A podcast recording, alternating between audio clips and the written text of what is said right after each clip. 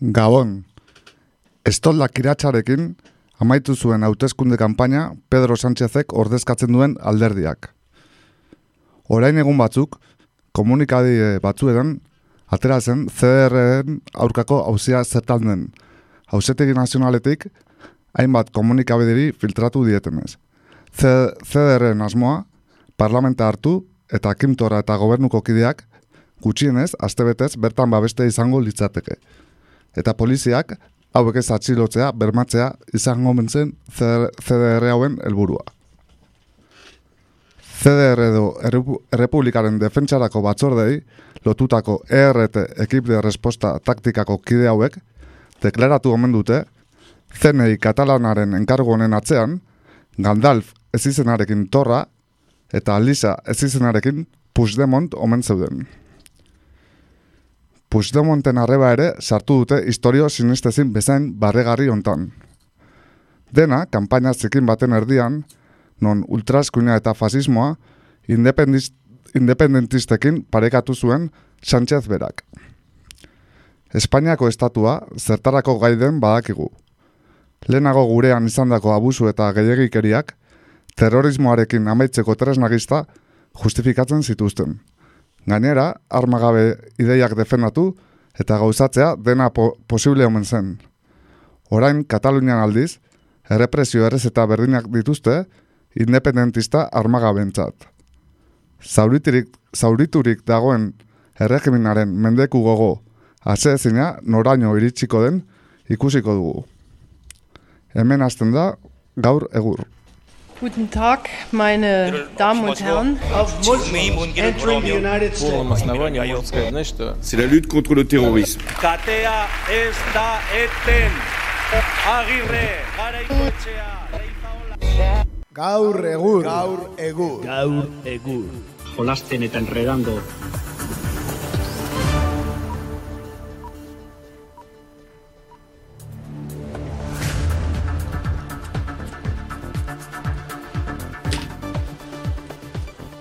Beno, ba, hemen txe, Arratxaldeon, Arratxaldeon, gaur e, azaroak amaika San Martin eguna dugu.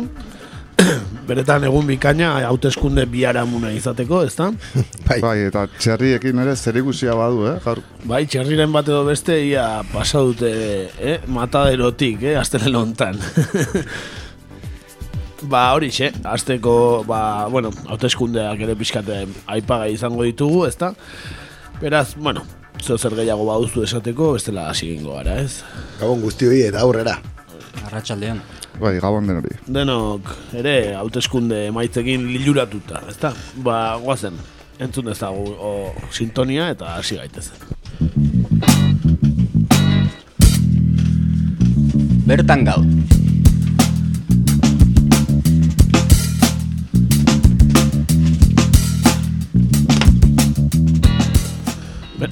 Bertan gaurren, ba, bertatik hasiko gara, ez da, ba, hauteskundea pixkat, eh? Ze utzi duguten baloratuko dugu, ez? E, bueno, dano dakizu bezala, PSOek irabazi ditu Espainian hauteskundeak, ez da? E, alderdi popularrak ere gora egin du, Voxek ere egoera izugarria izan du eskainoetan behintzat, e, Podemosek, bueno, aguantatu dio tiroiari naiz eta pixka galdu duen e, bere barneko estizio hori atera den estizio hori bueno, nahiko ondo kontrolatu duela esan daiteke eta ciudadanosen izugarrizko kolpea, ez? Ia desagertzera ñoi ia esan daiteke, ez da? Bai, urrengo UPyD izango denaren seinale ematen du dela, ez? UPyD ontan ciudadanosek intzi joan, ez da? Esan, eta agian ez da kasualidad, eh? UPyD dena zikintzen duen partido alderdi. Bai, bai. Rosa Diez etzi joan hor, baina, ez? Alderdi popularren alde agertu zen, ez? Horia kasa horrentzat eskatu zuen bozka Rosa Diezek. Bere Joker ez dakit trajea ikusi duzuen nola zijoan jantzita egun hortan, eta, bueno, bera den arraroa islatzen zuen jantzi batekin, nola korbata luze-luze bat, ia belaundetara iristen zitzaiona, kolore duna, eta, bueno, hor txio batzuk eta aipatzen zituzten, ez? Rosa Diez, Rosa Diezek bere Jokerren bilakaera burutzu du, ez? E, bai, ez? Nola aldatzen joan den. Bai, Baina, eh, tira. ez, ezkerragotik eskubira joan den, ez? E, bai, baude argazkiak bar, eh, Fidel Castrorekin eta, ez? E, hemerotekan baditu argazki bikainak arrosa diezenak, orain. Bueno, ba, alderdi popularra joan dena, hemen e, irrati libren e, taldeetan oso ezaguna arrosa diez, ez? Arrosa sarean, arrosa diez, behin baino horietan bromak egin dia horrekin. E, bueno, ba, nahi badezu igual hasten gara berta bertatik, gure bi herri hauetan egon dian emaitzea pixkat aipatu ditzakegu nahi badezue. Mhm, Nola junda kontua? Bueno, ba, esan daiteke zarrak berri ez? Bai, ez da. Zumarragan pese irazi du. Oiko legez. oiko legez, oiko legez. Kaspitas. Baina esan berra dago, ia, eunda la iruro mar bozka galdu ditu dela apiriletik honea, eh? Ez da gita astentziora joango ziren, edo zer. Baina, bueno, bigarren indarraia jota izan da, honek ere galdu ditu berrogeita mar bat edo bozka. Ba, Eh, gutxiago, gutxiago, baina, hogei, bai, hogei, bai, hogei bat bozka.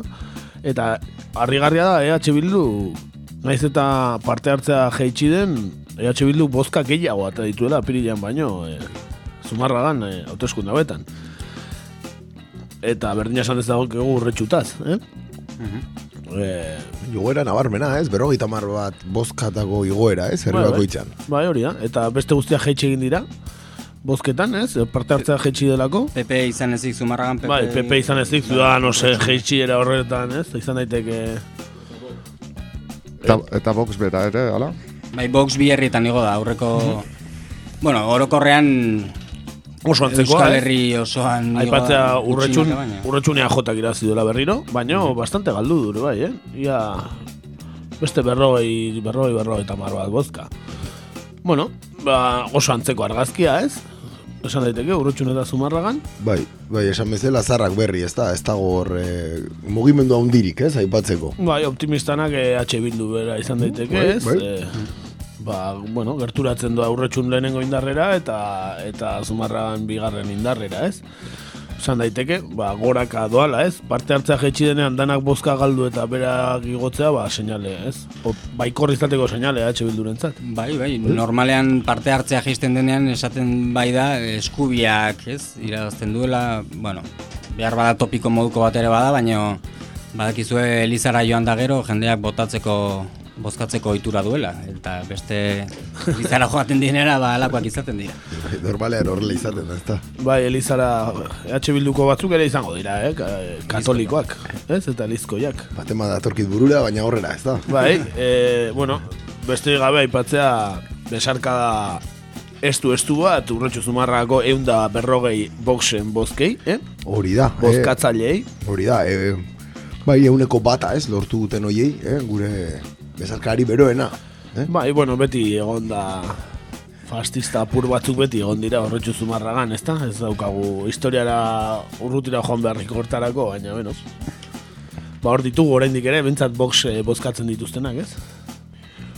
Bai, beti dago bat emat, eta bueno, kasu honetan, ba, esan bezala, ez, euneko bat aurretxun, euneko bire ez dira iristen zumarragan, beraz, ba, hoxe, ez? Betiko residu horiek, ez? Esango genuke. Bai, bai, agurri beroena eta kakaintzona erratia zabal zabali dutela etortzeko nahi dutenean. Nahi dutenean, hau denon etxea da, baita ere beraiena. Ez da, itzi, itzik ez diegu emango agian, baina, bueno, berotasuna bai. Hori da.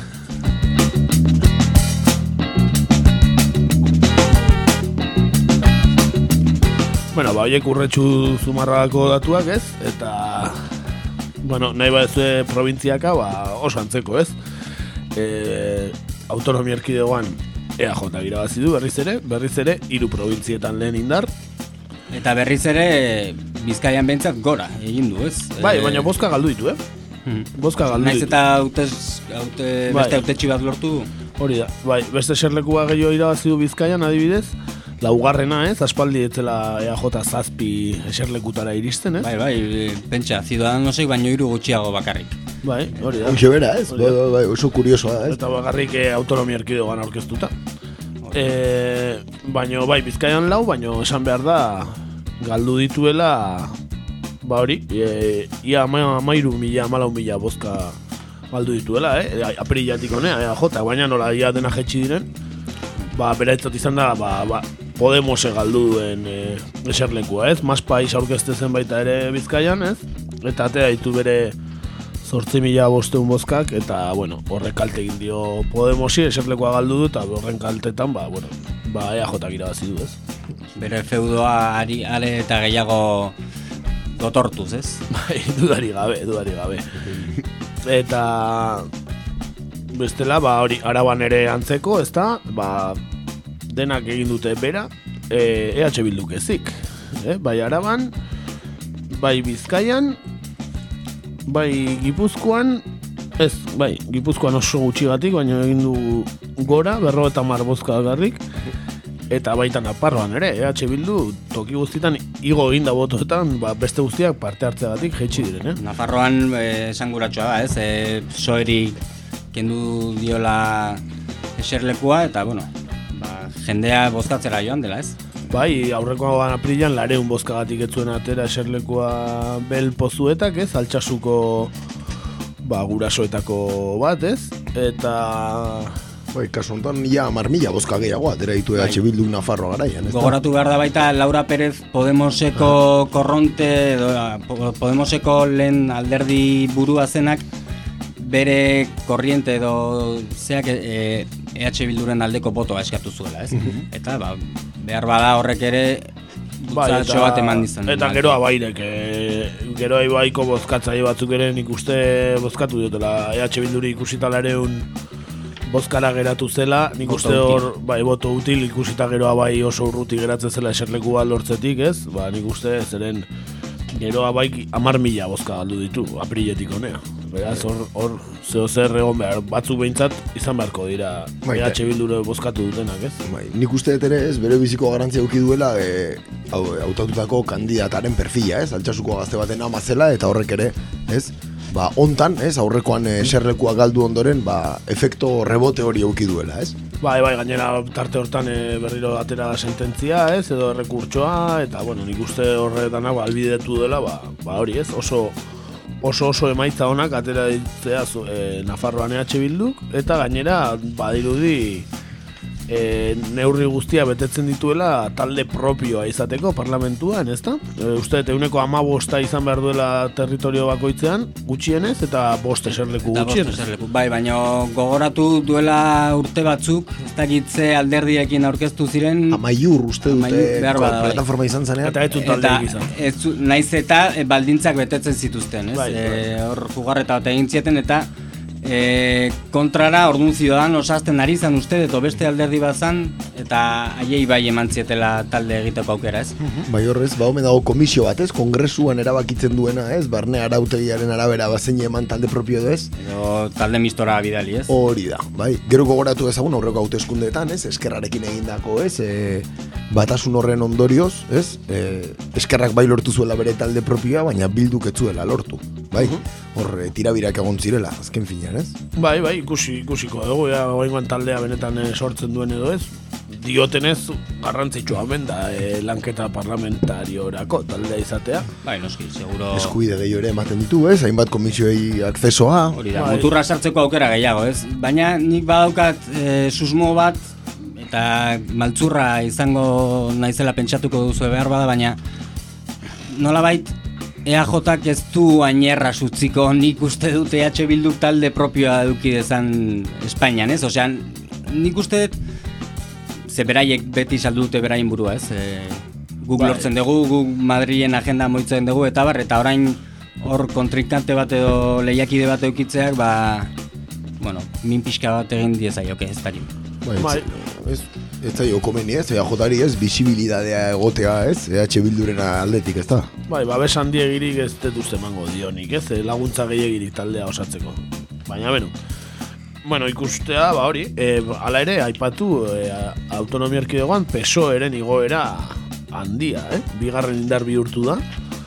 Eta adibidez e, komunikadetan e, estrapolazioa egin dute Gazteizeko parlamentura eta Gazteizeko parlamentuan bigarren indarra izango litzateke. Aurreko Gazteizeko hauteskundetan behatzi eserleku atezten da, orain emezortzi iragozi. E, ia bikoiztu ingo luke eserlekuetan, orain betan emaitza hauekin, noski, gero Badakigu emaitza hauek eh, Espainiarako eta autonomia erkidegorako asko aldatzen direla, batez ere ba, pesoeren kont- kasuan, adibidez, ez? Baina, Bai, aurrekari honean, ez? Usten du PSOE urrengo hauteskunde autonomikoentzat, ez? Urrengo urtean izango direnak. bai, eta gainera Madrilen gobernu ateratzen badu, bueno, hori gero nahi badezu aipatuko dugu aterako ote duen edo ez, edo berriro hauteskundetara zer egingo den. Baina, bueno, ba, presidente Pedro Sánchez izango baliz urrengo demagun legislatura osoa edo erdia edo bueno, urrengo hauteskundak egiterako horrek beti bultzadatxoa ere ematen dio PSOEri, ez? Edo PSEri, eh, urrengo hauteskundeetan, ez? Ai, eh, boterearen alderdia izatea, ez? Edo bai. baldin, gobernuaren. baldin eta krisi ekonomiko bat etortzen ez bada eta itxurak daude etorriko dena, ez? Hor behar bada horrek kontrara egin diezaioke Zapaterorekin gertatu zitzaien bezala, baina ikusiko dugu. Bai, ikusiko dugu. Ikusiko dugu etorriko den eh, balizko krisi hori. Ez dakit, ondo usaitzen ditu krisi horiek EAJak eta boterea pixkat eh, elkarbanatu garai horietarako eta oraindik ez du utzi, hasi ikusiko dugu. Eh, ez dakit zeo zer gehiago aipatu nahi duzuen hauteskundetaz, nahiko ez, hainbeste hauteskunde, hainbeste hain denbora gutxian, baina nahiko aspertuta gaude baloratzeaz, orduan nahi ba ez gero sare sozialen atalean Albert Riberaren agurrata zitzeingo dugu, ordu nahi ba ez hor gehiago pixka ditzen daikeu eta besteri baldi baukezue. Bai, ba, emozioa gordeko dugula, ez? Sare sozialak iritsi arte, da? Hori da, hori da. Orduan ba goazen e, bertan gaurreko beste kontutxo bat ekarri dugu, ez? Hauteskunde eta hori, aspertuta gendeulako, hasi que goazen horrekin.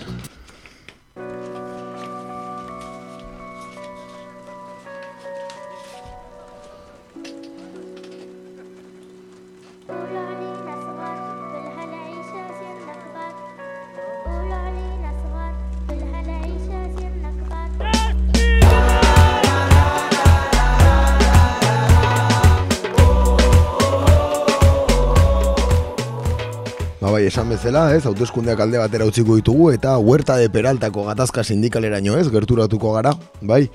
E, egia da gaurkon, ez, gehiegi ez entzunagatik ere, ba, zinez garrantzitsua den berri bat e, izan degula izpide.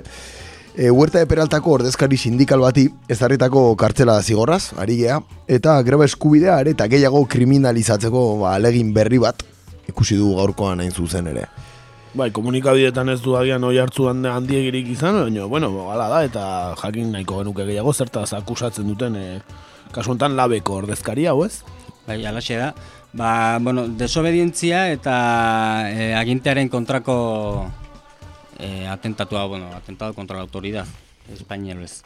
E, leporatzen diote labeko kideari, eta e, greba egun batean, huerta, huerta de Peraltan, e, greba muga- mugagabe bat egin zuten barkatu, eta e, egun nahietako batean, ba, furgoneta bat e, baten bidez edo enpresarako sarrera oztopatu, eta, bueno, e, pikete bat, ez? E, greba egun bateko beste pikete bat egiteagatik, ba, bost e, hilabetetako kartzela zigorra ezarri zioten aurreko urriaren amarrean, ez? aurreko urtean hitz egin genuen e, peraltako kontu honetaz, baina bueno, gogorazu ezagun, freskatu ezagun memoria, ea nola izan zen kontu guzti hori. Bai, e, esan barra dago, nekazaritza produktuak ekoitzi eta ontziratzen dituen Nafarroako enpresarik handienetako bat dela Huerta de Peralta. Eta beraie langilegoa batez ere migratzaiez osatuta dagoela, ez? E, oso- hori oso ipagarria da nola baita, baita ere, ez? Labeko ordezkaria ere magrebiarra da, eta bar, eta e, hor badago esplotazioaren beste e, plus bat edo esan dezakegu, ez? Bai, oso ohikoa gainea eh, lan hoietan, ez? ez? E, Riberako nekazaritza lan hoietan e, atorkinak e, kontratatzea oso ohikoa bihurtu da azken urteetan, ez? Hori da. Eta, bueno, euren balditzak hobetzeko asmoz, eh, langileak antolatu egin ziren iaz, eta hainbat helburu lortu zituzten. Baina enpresak eh, labeko ordezkari ziren lau langile kaleratu zituen. Sindikatuk, sindikatuak salatu zuenez mendeku modura. Langileek greba mugagaberako deia egin zuten orduan. Grebalariek e, hogeita zortzi egunez erakutsi ziguten zelako balioa duen borroka eta duintasun antolatzeak, nolako balioa duen esplotazioari eta prekaritateari elkarrekin aurre egiteak. Eta, bueno, labeko ordezkari den eh, Rosalia Bona, entzungo dugu orain kontan. Cuando nosotros eh, entramos aquí, cuando conocimos la situación de, los trabajadores de Huerta de Peralta, lo que nos encontramos fue con un incumplimiento total de convenio, con salarios por debajo, con una temporalidad eh, escandalosa, con muchísimas horas eh, trabajadas y, cobradas como hora normal, incluso por debajo de la, de la hora normal, y con trabajo en domingo, en sábado, sin pluses, sí, trabajo nocturno que no se, que no se paga el plus, antigüedades que no estaban reconocidas, categorías que no estaban reconocidas, bueno, un escándalo. En aquel momento era un escándalo.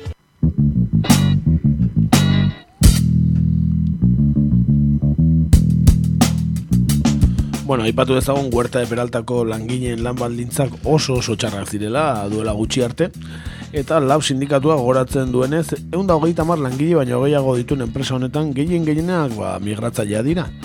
Sektore horretako Nafarroako enpresa handienetariko bat da, baina hala ere 2017 arte ez zuen ordezkari sindikalik izan. Orduan egin ziren lehenbiziko hauteskundeak eta orain enpresa batzordeak labeko sei ordazkari ditu, komisiones obreraseko bi eta UGTko bat.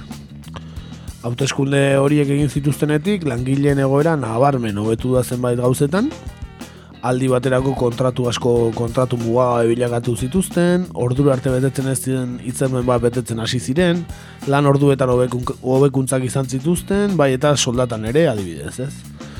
langile eta lab sindikatuaren hitzetan, e, horrek guztiak enpresako zuzendaritzaren mendeku gozea piztu zuen, eta orain disiplinazko arau haudia erabiltzen ari da langileen aur, aurkako ba, disuasio, koakzio eta errepresalia tresna gisa, Hala, ba, asko izan dira enpresak ezarri dituen zehazpenak, zehapenak egin dituen ba, ba hori, kaleratzeak, ez? Beraz, ba, hori, errekurtsoa eta hori dena, ez? E, bueno, esan duguna, pikete horrengatik, e, paiketa hori eta dena, ez? Ba, nola dago orain egoera, ez? Bai, ba, bueno, epaia esan bezala aurreko urriaren amarrean kaleratu zen, naiz eta e, bueno, ep- epaituak ez ziren, ez ziren joan, ez, epaiketara. E, labek e, dagoeneko iragarri du epa, epaiaren kontrako elegitea jarriko duela, eta ikusteko dago zein ibilbide izango duen. E, bien bitartean, dena dela langile borrokaren eta esplotazioaren kontrako eredu den borroka honek alik eta oihartzun gehien izan dezan saiatu beharko genuke, ez? E, aipatzen genuen bezala, apenas eduki duelako oihartzunik, eta, bueno, eskubide urrak eta paregabe honen aurrean, ez, etengabe ematen ari dena, ba, nolabait horrelako borrokak e, duintzea ba, oso garrantzitsua da, ez? Eta komentatzen zenunez, interesesko dagoela horren, horren atzean, ze interes dia horieko, zeintzuk? Bueno, ba hor, e, no, kapitalaren interesak noski patronalarenak, ez? Baina baita berain ordezkali politikoena, ez? E, besteak beste EAJak e, apenas eskaini harretarik, e, ikusi besterik ez dago ETB eman dioten, ez? E, Bai, bai. pisua apenas agertu da Oso kobertura eskasa e, eukidu oso, asuntona, ez da? e, ia nuloa, ez? Eta, bueno, ba, Hala ere, bueno, nik uste herribera EAJakia aspaldi galdutzat emanda daukala, ez? Bai, baina e, deigarria da, ez, labeko sei ordezkari sindikal edukitzea, ez, e, langile abertzalen batzordea, eta, bueno, azken finean, ba, ideologia jakin baten zea badago, eta e, jendeak ba, Euskaldun izan nahi duela dirudi, e, bertan ere bai, ez? Bai, kasu honetan gainera esan duguna, ez? Migratzaile komunitatea handi batean, ez? Hori da. Eta balio gehiago daukan kontua, noski. Bai, agian e, benetako bai, e, laguntza eskaini dion sindikatu bakarra izan delako, izan daiteke baita ere, ezta? Agian e, aurrekoan aipatu genuen esan genuen, ez? Ba, laben ba, labe ontzat oso albiste ona edo ez eredutzat jartzekoa, ba, labek kasu hontan egin duen lana, han ez, Peraltako, Huertas de Peraltako enpresa honetan, ez, zatikan, bueno, baita ba, precedente bat sortzen du, ez, urrengo horrelako lan gatazketarako, hainbeste migrante daudenak eta abarrez, ba, erreferentzia bihurtu daitezkela lab bezalako sindikatuak, ez? Bai, hori, nahi hori irutzen zait azpimarragarria, eta batez ere hori, nolabait etorkizunean ere emango direlako horrelako, eta segurazki gehiago, ez, e, immigrazioa handitzen denean e, egongo dira arazoak, saiatuko dira eskubideak ariketa gehiago murrizten, Eta orduan, ba, ez dakit, osea, horrelako borrokei, ba, nik ezinbesteko garrantzia ematen diet, ez? E, batez ere, kontutan hartuta, e, imigratzai, imigranten edo agente berri hauen e, papela zein den, ez? Nik uste dut politikariek ere ez dutela nahi imigrante, bueno, batzuk imigranterik ere ez dute nahi, baina beste batzuk ez dute nahi imigrante borrokalaririk, ez? Nola baita esatearen, ba, honea etorri eta gainea dena gure txiringitoa hankazgora jartzea, ba, segurazki ez aien irudituko, baina, e, bueno, hemengo komodidadearen kontra e, eta komodidadean ohituta ez dagoen e, aktore batzuk diren heinean, ba, egoera irauli dezakete ez, eta beste ere e, pixka bat e, nola baita adibide bezala bilakatu. Zarantzari gabe, ez? Da, Nafarroan eh, gainera horrela gertatua, ez, eh, azkenen, bueno, adibide bat bihurtu dira, ez, Nafarroako langileriaren eta batez ere beraien egoera berdinean dauden guztientzat asko eta asko direlako, ez, batez ere Nafarroako nekazal ere moietan, ez, eh, azkenen orokorren bertan lan egiten dutenak, eh, kanpo, kanpotarak, migratzaileak izaten dira, eta askotan baita ere emakumeak, ez? Bai, noski. Ba, hori xe, zeo zer gehiago, informazio gehiago bilatu nahi gagenu?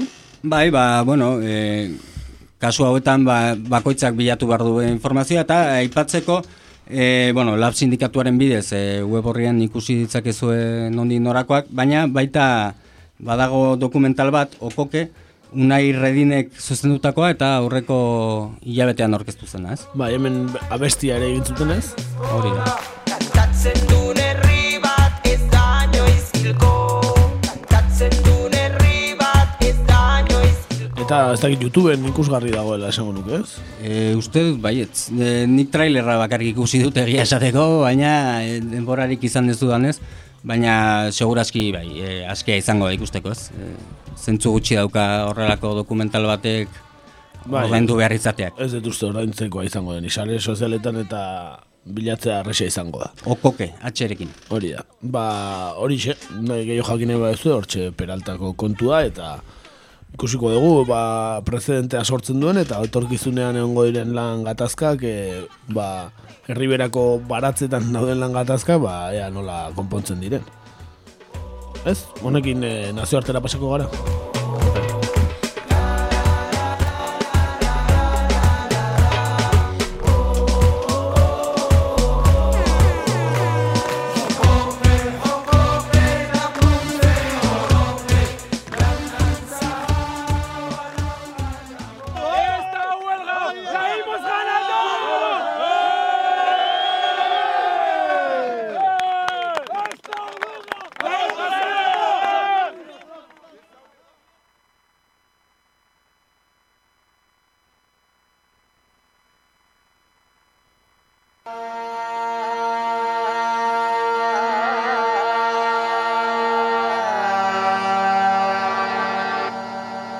Nazioartean gaur.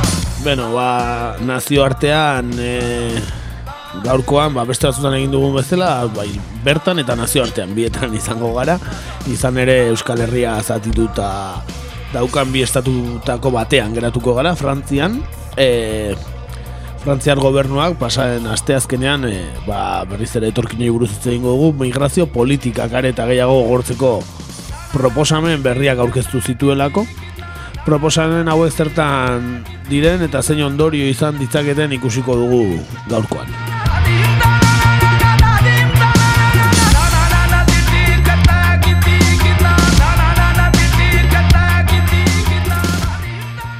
Segurtasuna bermatzea eta iruzurra eragoztea argudiotzat jarrita, migrazio politika gogortzeko proposamen sorta bat aurkeztu du Frantziako gobernuak.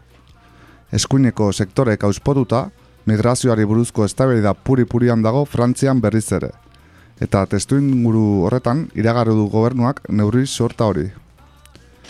Eskuinaren aldarrikapen batzuk bere egin ditu Emmanuel Macronen presidentearen alderdiak eta proposatutakoak ezin egona sortu du bere alderdi alderdian bertan.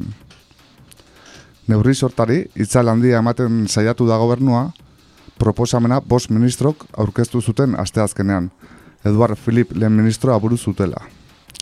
Neurrietako batzuek lege aldaketak eskatuko dituzte, eta beraz, parlamentuaren oniritzia beharko dute, ezkerreko taldeak aurka agertu dira da, eta Macronen alderdian ere badira gora berak.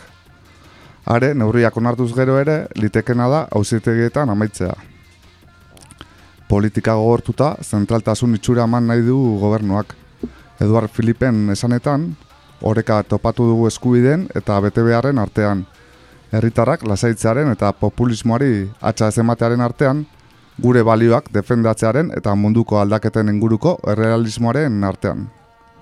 Le sens général euh, de notre action, c'est celui de la souveraineté. Nous voulons reprendre le contrôle de notre politique migratoire. Reprendre le contrôle, c'est euh, exprimer et assumer des choix clairs en matière, en matière d'accueil et d'intégration. Ba, e, emigrazio politike kontrola berri- berrartu nahi duela esaten ari da, ez?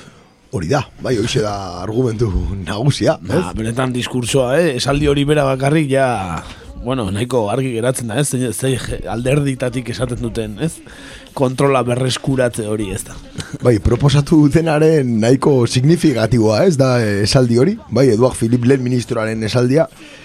E, bueno, komentatutako neurri hauek, ba bueno, e, migratzaileen bizitzen alor gehienak, bai, abarkatzen dituzte, e, garrantzitsuena edo agian ezinbestekoena osasun zerbitzuaren inguruko, ez, proposamenak dira, eta e, osasun zerbitzu hauek jasotzeko, e, gutxienez, hiru hilabeteko egoitza baimena euki beharko da hemendik aurrera. Bai, hau da, hor ja, egoitza baimena ez dutenek, bai, osasun zerbitzua erabiltzeko arazo larria eukiko dute. E, orain arte, papergabeko entzat, lehen amabi hilabeteetan, bermatzen zan osasun zerbitzu hori, hemendik aurrera sei hilabete bakarrik izango dira. Hortik aurrera, egoitza baimenik ez baldin daukazu, ez daukazu eskubidea hartatu izateko. Bestalde batetik, e, asilo eskatzaientzat, ze hemen kategorizatu egiten dute e, egiten dute poblazio migrantea, bai, neurri hauekin, eta asilo eskatzaileak beti beraien apartado eukitzen dute, bale? Ba, dituzu egoitza baimena daukatenak, papergabekoak eta gero asilo eskatzaileak, bai? Ba, beraientzat e, laguntzetan, jasotze dituzten laguntzetan, kontrola areagotu nahi omen dute iruzurrarekin amaitzeko. Eta kontrola eta iruzurra hitzak izango dira etengabe neurri hauen e, proposamenean agertuko diren bitz nagusiak. Bai, zerbait badakigu, ez? Bi hitz hoietaz, ez? Bueno, bai, ma, badirudik idoia maroto berberak idatzi duela, ez? Hoixe bera pentsatu nuen nik ere. Bai, bai, irudik idoia Javierrek idatzi duela, ez? Bai, ez, no, no ajuntzan, eh, gazteizetik ospaintzunen? Soto salvo, so, Bai, soto... nun zan, Segovia. Bai, behar bada. Igual Segovian ere etzunateako eta oain on Eh, marchera pasada. Eh, atzo joan zen, nola, parentesi artean barka. Ah, Juntzen, eh, bertako herri galdu hartara, bozka ematera eta antza sartu zen, baino ez zuen bozkatu, edo alde egin zuen bozka eman horretik, horrelako zerbait entzun. Eta gustatu eskola elektorala. Arazoren bat eukio mentzule entzun nuen. Esango zuen, bueno, ni ja senataria naiz, beraz. Bai. Bueno, Ba, agian deneiak kadukatuta zeukan besterik ez, baina, bueno, Fra. Frantziako herritartasuna eskatu beharko du orduan. Bai, e, lehenengo sei hilabetetan bakarrik halko du osasun zerbitzua erabili, eh, proposamen hauekin. e, gero, beste gauza garrantzitsua neurri hauen inguruan dira ezarritako kuotak. Bai, kuota batzuk ezartzen dira migrazioarentzat eta bultzatu nahi, bultzatu nahi dutena, badirudi, immigrazio profesionala dela. Bai, hau da, enpresen premien arabera, kalifikazio jakin batzuk dituzte migratzaileak besterik ez dituzte jasoko, Frantzian. Eta parlamentuak urtero kuota hauek finkatuko lituzke e, proposamen hauek onartzen baldin badira. Laiman, lan baimena, e, ba bueno, lortzeko prozedura ere azkartu nahi dute, baina beti ere komentatutako parametro hauen barnean. Bai, neurri guztietan daukazu beraiek proposatzen dutena eta gero bai dirudi zerbait, ez, migranteen regularizazioa errezten duena. Bai, kontua izaten da, hasierakoak bigarrena deusestatzen duela orokorrean. Vale, Bai, ikusiko dugu euneko batarentzat, ez? Hori da, bai, horrela redactatuta dago. E, lehen e, iritartasunan inguruan, e, hitz egin dugu, bueno, ba, familiak elkartzeko prozesuan, hor ere, iruzurraren aurkako neurriak hartuko omen dituzte, bai, hor ere, badirudi iruzura handia omen dagoelako Frantzian, eta frantseseko be bat maila eskatuko zaie, ahoz eta idatziz, iritartasuna ulortzeko migratzaileei. Hau berria da, orain arte ez zuten egiten. Hor ez Baino- dute kejarik ez Nafarroako espainolistek, adibidez. Euskerarekin bezala, ez, be batarena. Baino Frantzian are eta txobinistagoa dira hizkuntzarekin esango nukenik, edo hor parez pare ez aurkitzen dira bentsat. Bai.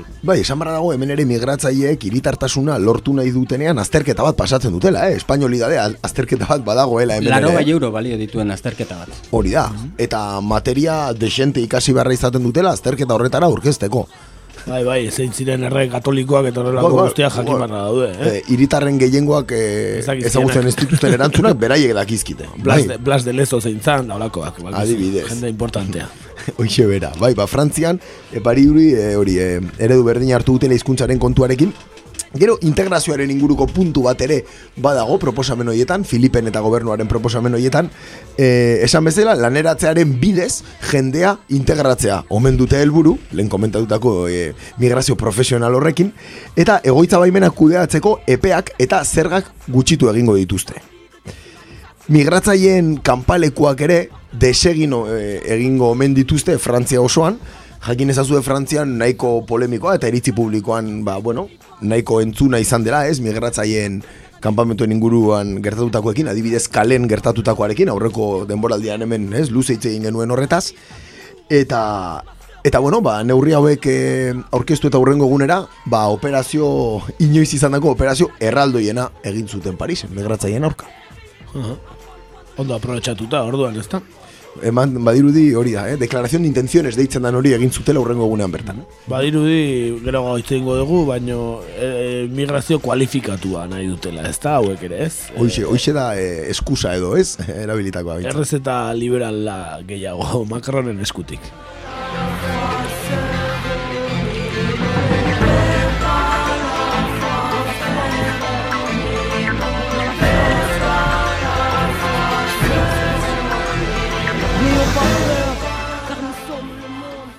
Ba, ipatu bezala, 2000 garren urtetik egindako berrogeita garren operazioa da, baina testu inguru berezian gauzatu zuten ostegun goizekoa. Frantziako gobernuak migrazio politikak gogortu eta biharamunean seien poliziak Paris hiriburuan iparraldean zeuden errefusiatuen bi kanpaleku desegin zituen. Mila zereun da lagun bizi ziren haietan, baldintza prekarioetan. Eta Didier Lalement Parisko poliziaren prefetak jakinarizi zuenez, Hil de France eskualdeko amabos gimnazioetara eraman zituzten. Haien kasuak banan-banan aztertzeko. Errefusiatu estatusa duen jendea dago haien artean. Asilo eskatzaileak eta asiloa ukatu zaien pertsonak ere bai. Christophe Castaner, barne ministroaren arabera. L'expansion, l'accumulation de richesses, le vol, toutes les exactions qui s'accompagnent de tout ça. Les multinationales, c'est eux Ostegun goizaldeko operazioak helburu zehatz bat zuen Didier Lalement polizia prefetak operazioaren berri emateko prentsaurrekoan adierazi zuen moduan eta zera adierazi zuen ez dut onartuko mota horretako instalaziorik egotea hemen edo Parisko beste toki batean. Frantziako hiriburuaren ipar ekialdean dauden migratzaien kanpaleku gehienak eta horiek urtea amaitu baino lehen desegiteko asmoa jakinarazi zuen pasaden asteartean kastane horrek. Pour que l'opinion soit d'accord, j'ai imposé la biométrie sur vos passeports. J'ai fabriqué la peur pour que tout le monde soit sur écoute. Car moi je veux tout répertorier, moi je veux des chiffres et des codes barres. Je contrôle vos esprits par le biais des médias. Mila eta bosten eta ir- hiru mila lagun artean leudeke horietan bizitzen, migratzaileen eskubideen aldeko taldeen arabera. Gobernuak zehaztua du paperi gabekoen etorkizuna. Barne ministroak, Franz Info irratian adierazi zuenez, martxan jarriko dituzte Frantziatik kanporatzeko prozedurak.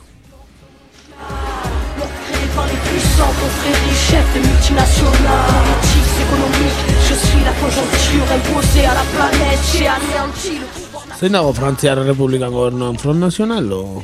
Ez, ez, ez, Ah, ez, ez, liberal batzuk, bai, Ah, la Republiko Marx deitzen omen dira. Ah, eh, eh, Frantziako ciudadanos, ez?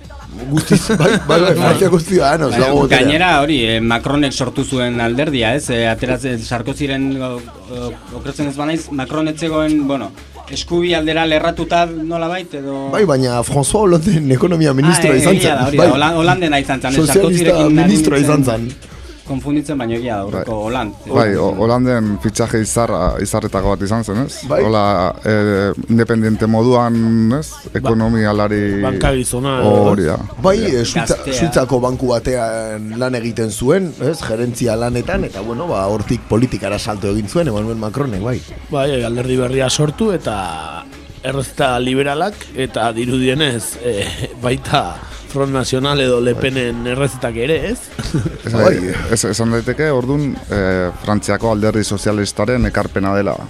Emmanuel Bai. Macronen Republika en marcha eta hau dena, ez? Osea, Bai, bai, desde luego, Holandek eh, ez, hauteskundeak, eh, bueno, asko gatik galdu zituenean, ez, bera izan zen, eh, ba, uretatik burua atera zuen bakarra, Emmanuel Macron izan zen, eta bueno, ba, presidente bihurtzeraino, ez? Labora, laborategitik ateratako presidentea. Ni da, bai. e, komentatutako, e, ba bueno, kanpamendu hauen, e, e, ba bueno, desalojoaren e, arira, esatea ere, areta egoera txarragoan, ez? Bizi zirela Parisea iparreki aldean emigratzaile hauek, batez ere zonalde hori beti izan delako e, droga salmenta edo trafikoaren leku, ba bueno, estrategiko bat Parisen, bai? Eta, ba bueno, ba, droga salmenta, e, droga kontsumoekin, ba, menpekotasuna zutenak, migratzaileekin batera, batu ziren, ez? E, ba, Pariseko periferiko autobiaren azpian, ez, zubietan, eta bueno, ba, migratzaile asko ere droga, drogodependentzian erori dira, eta egoera oso, oso, oso kaskarra, bai, sortu da auzo horretan. Aitzake bat gehiago, ez? E, bidaltzeko, ez? E, eritzi publikoaren aurrean, ez?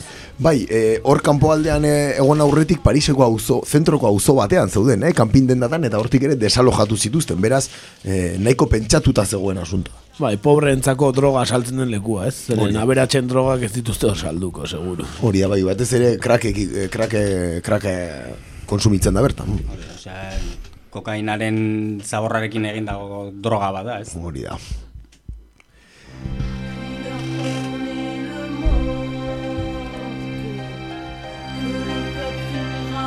Migratzaien artean ere egongo dira ezberdintasunak, ez?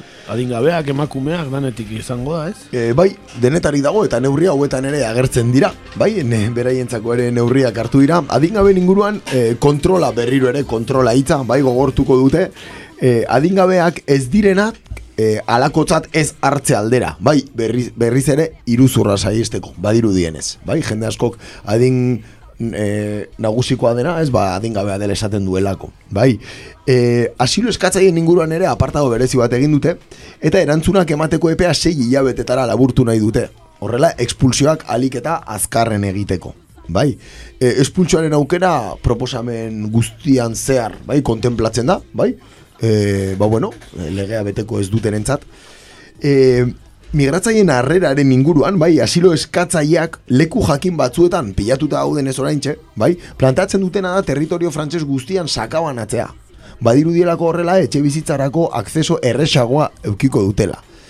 Bueno, hor, esan beharra dago sare batzukia sortuta daudela eta migratzaileen erreferentzi nagusia beste migratzaile batzuk izaten direla. Beraz, e, ba bueno, ez, reagrupamendu horiek e, saieste aldera, ba neurri hau hartu nahi dute, sakabanaketarena. Bai, bai. bai. Bueno, hortatzen baki guzti zer, sakabanaketaz. Hoxe bera, ez dira berriak, arrazoia. Bai. Eta ondoren, badago ez apartago bat, legez kanpoko migratzaileentzat, bai? Eta hor, e, atxikitze zentro gehiago zabaldu nahi dituzte, bai, haietako bat e, bordelen. hm?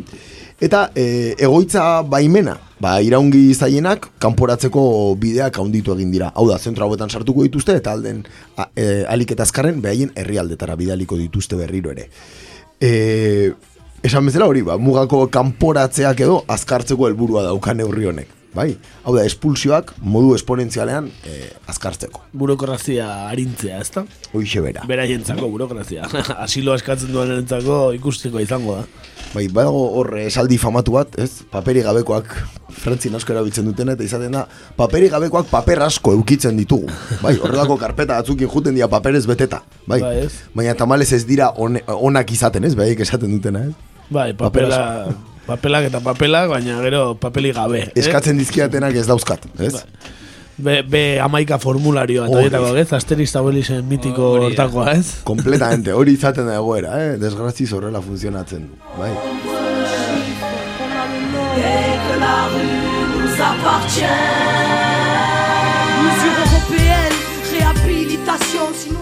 Europak zeo zer esango aldu honeta, zeren, eh, bueno, batzuk beti esaten dute Europak eh, torkinen zako politika batu bat izan behar duela, ez, Europar batasunak.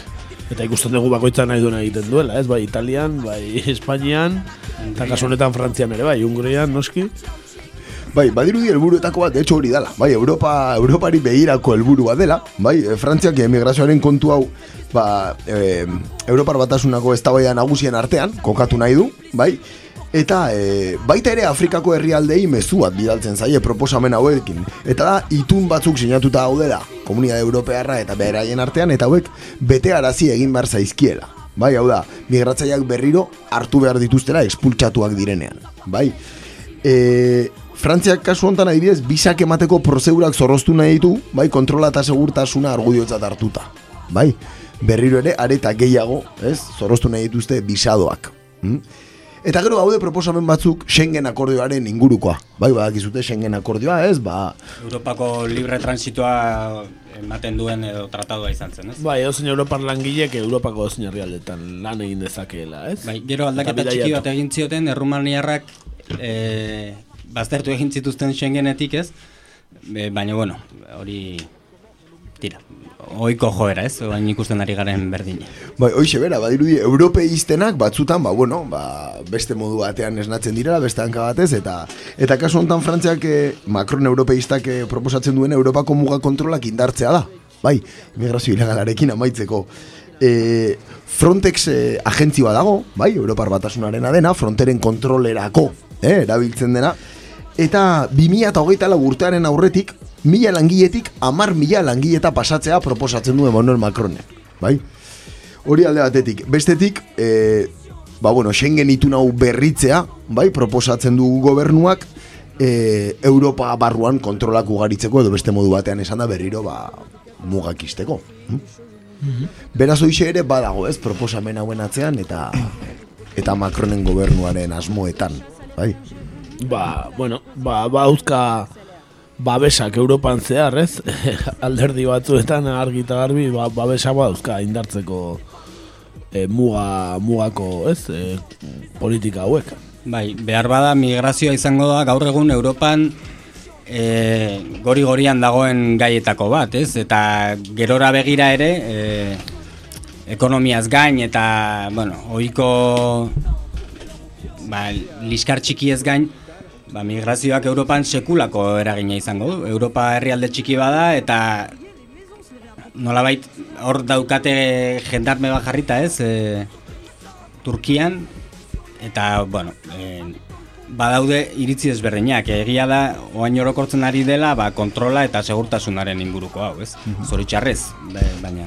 Bai, Europak bi arazo larri izango ditu datorren markaetan, bat izango da etorko den etorkin kopurua eta beste bat lotuta doana demografia, ez? E, Zena eta e, nola biztanleria gero ez da zarragoa den, gero ez eta gazte gutxiago lan egiteko, eta bat bestearen e, soluzioa da, ez? Bai, e, osea, hor, nik uste dut zentzu horretan migrazioa behar behar dugu, noski behar dugula. Eta onuragarria da, baina Frantziak egin nahi duena da, ber, zer datorkigu guri ondo Hori eta beste pariak Katalogo bidezko migrazioa. Hori da, hori da, hori- hori- Bai. Bera. Bai, bai. Hor, badago faktore garrantzitsu bat, kontutan hartu hemendik 2000 eta berrogeita mar urtera arte, aurre ikusten dela Afrikatik berreun da berrogeita mar milioi pertsona. Torriko direla e, Europara, hau da, Europaren biztanlegoaren erdia, suposatuko lukena, eta gehiengoak herrialde frankofonetatik datozera, hau da, preferentzian, estatu frantsesa edo Belgika eukiko dutela, beraien destinoen artean. Eta hoixe da kontestua, bai, hor eh, hor kontestualizatzen dira neurri guztia neurri guzti hauek. Akatsa diruditenak noski, bai, ez dirudi modu egokiena, ez? Horri aurre egiteko edo edo irtenbide bidezko bat emateko gauza kontu honi, ez? Antzinako kolonialismo eta eta kolonialismo modernoaren e, ba, zer dira, Ondorioa, bai, bai. ondorioa dira, Bai, bai. noski da, argi eta garbi. Ja, hor, eh, proposatutako neurrien, ba, bueno, ez, eh, esperpentoari, ez, beste, beste ikutu bat emateko, kontutan izan mila bederatzen da berrogeita bostetik, hau da, bigarren mundu gerra amaitu zenetik gaur egunera, eun reforma migratoria egon direla Frantziar estatuan. Hau da, eun garrena. Bueno, eh, orduan ospakizunetan egongo da gaina, ez? Bai, hor, logotipo bat atako dute, eh? Eun, hor, eh? En plan, ez? Torri felen eun bat jarriko dute, ez da? E, obviamente egoera ez da konpondu. Eun reforma migra, migratoriekin ez dute lortu eh, herri, behaien herrialdean koesio bat eta migratzaien eskubideak eh, bermatzea, beraz, bueno, ba, irudi bat gehiago dela, ez? Eta nik uste dut arazoa hain batean ez dutela konponduko. Zadik, hain handia da Afrikan egin zuten sarazkia, zen Afrika batez ere erdi, erdi, erdi Afrikako herrialde frankofono horietan egoera oso oso latza da, ez? Eta logikoa da bezala, horiek eh, saiatuko dira Europara etortzen, zatik eh, bertan ezari zaien egoera, ba, Bai, zinezkoa zai aurre egitea, zu pentsa Niger da uste dut eh, emakume bakoitzagatik aur gehien dituen herrialdea munduan, ez? Eta dauzka zazpi koma bat. Osea, emakume bakoitzak media, ez? E, behar bada estremoena da, ez? Baina herrialde pobre batean, zazpi seme alaba baldin badauzkazu, e, edo goze ziltzen zara, edo ez tokezu beste irten biderik, ez? Argi eta garbi, orduan nundik pasatzen da irten bidea, nik pentsatzen dut ba, sakeatu beharrean pixka bat inbertitu beharko litzatekeela bertako ber, ba, bertako le, herrialdeak ba, gara da itezen, ez? Eta aukera bat eskain diezaieten bertako biztan lehi ere bai. Duari gabe hor konponbidea oinarrian dago, ez? Eh, Afrikako herrialdeen garapenean eta berriro ere, ba, bueno, hor ez da maniobrarik egin, ez? Europaren aldetik azken, ba, bueno, deskolonizaziotik hor ez da horako maniobrarik egin, ez? Bai interes ekonomikoak mantendu direla, baina garapen gutxi ikusi da, ez? Bai, eta ez da, ez da egingo zatik eh, hori da kapitalismo, mendebaldeko kapitalismoaren gakoetako bat, ez? Eh, estatu periferikoak eukitzea Afrikan, eh, bai lengaiak, lengaietan hornitzeko, petrolarekin, mineralekin, eh, esplotazio egoeran, eta, bueno, hau da, B aldea, ez, esaten dena, ala? Bai, hori da, e, e, demokrazia liberal guzti hauen bealdea hori da, Hori ezta? da. Eta, bueno, e, beraien potentzia eta potentzia ekonomikoa esklabutzaren bidez bihurtu duten herrialdeak, ba, asko kosta zaio euko egitea esklabotza horri, ez? Batez ere Europak bestelako ezingo lukela biziraun. Osea, ze, ze dauka Europak, ez? E, Lurrazpian ez dauka ezer. Zer ez? Industria eta teknologia, bai. Baina bestela, zer? Lehen gaiak ez daude Europan. Ez? Eh, hor, ala ere badago, ez? E, kontu guztionen arira, ba nahiko e, popularra, ez? Egiten ari den esaldi bat Jomagi Lepenek esan zuen, bai, orain dela hogeita hamar urte. Bere kanpainako lema zan, milioi bat migrante, milioi bat langabetu, frantses. Bai? Eta badirudi Frantziako gizartean badagoela oso korpus potente bat, bai, e, esaldi horri, ba, bueno, men egiten diona, ez? Bere, bere alabaren e, alderditik hasita, baina baita ere, Macronen gobernuraino, eh? Frantziaren, Frantziako bozkatzaileen bieren eta zaria, eh? Bai, bai, bai. Populazio asko. Argi dago, Europa osoan, e, bueno, agendaren e, ez, lehenengo postuan dagoela etorkinen kontua, ez? E, alderdi politiko guztiek erabiltzen dute batez ere ultraeskuinen darrek e, gaia, ez da? Baina puri-purian dagoelako, ez? Bai, aste honetan bertan ez, e, beti daude liskarrek horren inguruan, eta aste honetan Europar e, komisioak edo ez dakit, edo, ze organok, zigortu ditu Hungria eta Polonia, okerez banago, e, ez e, betetzeagatik e, errefusiatuen kopuruaren zen X bat, ez? E, hau da, ez dituztelako jaso hori da, kuota, Mhm, bai. eta, ba, pentsa, Hungria, Viktor Orban, ez, e, neofascista huts bat, eta Polonia ultrakatolikoz betetako herrialde bat, nire ustez, kakotzen artean doa hobe zegoen Alemania eta Errusiaren artean banatuta, baina... baina tira ez, eta... Sa- saietu beraiei. ez, eta baina ikusten dugu Orban agertu da zearekin e, Turkiako presidenten Erdoganekin, eta, beno, en, lerratze desberdina daude, eta niretzako izango da etorkizuneko ba, gai oso oso potente bat, ez? Bai, aurrekoan esaten genuen bezala, musulmanak dira judutar berriak Europa, baina, bueno, esan dezakegu Afrikako etorkin guztiagia direla, ez? E, judutarrak Europan, eta badirudi ultraeskuinak, ba, hori, ez? Judutarren e, kin egin zuen bezala Hitlerrek, ba, erabili nahi duela kasua, ba, ba gora eta gora egiteko, ez dakigun oraino. Hala da, bai, horrela, horrela dago kontua Europan, e, amaitzeko datu batzuk, eman nahiko nituzke, bai, e, ikusteko orain arteko egoera zein izan den, eta zein izan daiteken, ez, da, datorrena, bai. E, Frenter estatuan asilo eskatzaien artean, amar mila bosteun eskaera registratu zien pasaden urtean, eta hauetako euneko hogeita bosta bakarrik onartu zen. Bai, hau da, ere e, laurden bat bakarrik onartua izan zen. E, gehienak, erregistratutakoak berriro diot, askoz gehiago izango direlako, gehienak afganoak, bai, albaniarrak eta georgiarrak dira. Eta hor, arazo desente eukitzen dituzte, albaniarrek eta georgiarrek, ez dagoelako konsideratuta konflikto zona bat, edo ez dagoelako, ez, e, ba bueno, asilorako e, arrazoirik, estatuaren... E, estatuaren arrazonamenduan. Gero Gineatik, Bolikostatik eta Sudanetik etorritakoak daude. Bai? E, euneko hogeita marrak, bai, e, iritsi dauko, ez, asilo duenen euneko hogeita marrak, beste herrialde batean ja eskaera eginda dauka, bai. Eta gogora ezagun, 2008an, sinatu zen Dublingo, e, ba bueno, arautegiaren arabera, bai, migrazioaren inguruko arautegiaren arabera, Europako sarrera herrialdean bakarrik eskatu daitekela asiloa. Hau da, Greziara iritsi baldin mazea edo Italiara, bai, edo, edo Espainiara eta bertan registratua izan baldin mazea, eskubidea bakarrik daukazu bertan eskatzeko asiloa. Iritzizaren herrialdean. Hori da. Ordun, zer egiten dute jende guzti hori? Ba, hasierako herrialde horretara berriro espulsatu, bai? E, espulsioen inguruan, 2018an errekorra izan zan Frantziar estatuan, bai? Hogei mil espultsio izan ziren, eta euneko hogeia igo da bi urtetan, egindako espultsioen kopurua. Bai, hortaz baki guzo zer Euskal Herrian ere, ez? Hortxe irun eta endai arteko mugan eta, ez? Egunerokoa da oraindik, ez? Hoixe bera, ez? Eta hor, egon dira kasu batzuk, ba bueno, esan bezala, ospetsuak egin dienak, beraien egoera, are eta latzagoa zalako, adibidez, e, Jerry deitzen zan e, pertsona bat, bai, Nigeriatik etorritakoa, eta bera homosexuala zan, eta berriro ere Nigeriara espulsatu zuten, jakindan bere bizitza arriskuan zegoela. E, Afgano ugari ere Kabulera, bueltatzen e, hasi dira, bai, bertan talibanekin, e, ba bueno, ez, e, talibanen eriotza mehatxuak bazituzten ere, eta, bueno, pentsako ez horrelako amaika, ez? Bai, e, dana azkenean interesen arabera, ez? Dirudien, ez, ez? Ba, bueno, oso politika liberala, ez, hau ere. Hoixe bera, ez? Bueno, Frantziak deportazioan nahiko kultura luzea dauka, bai?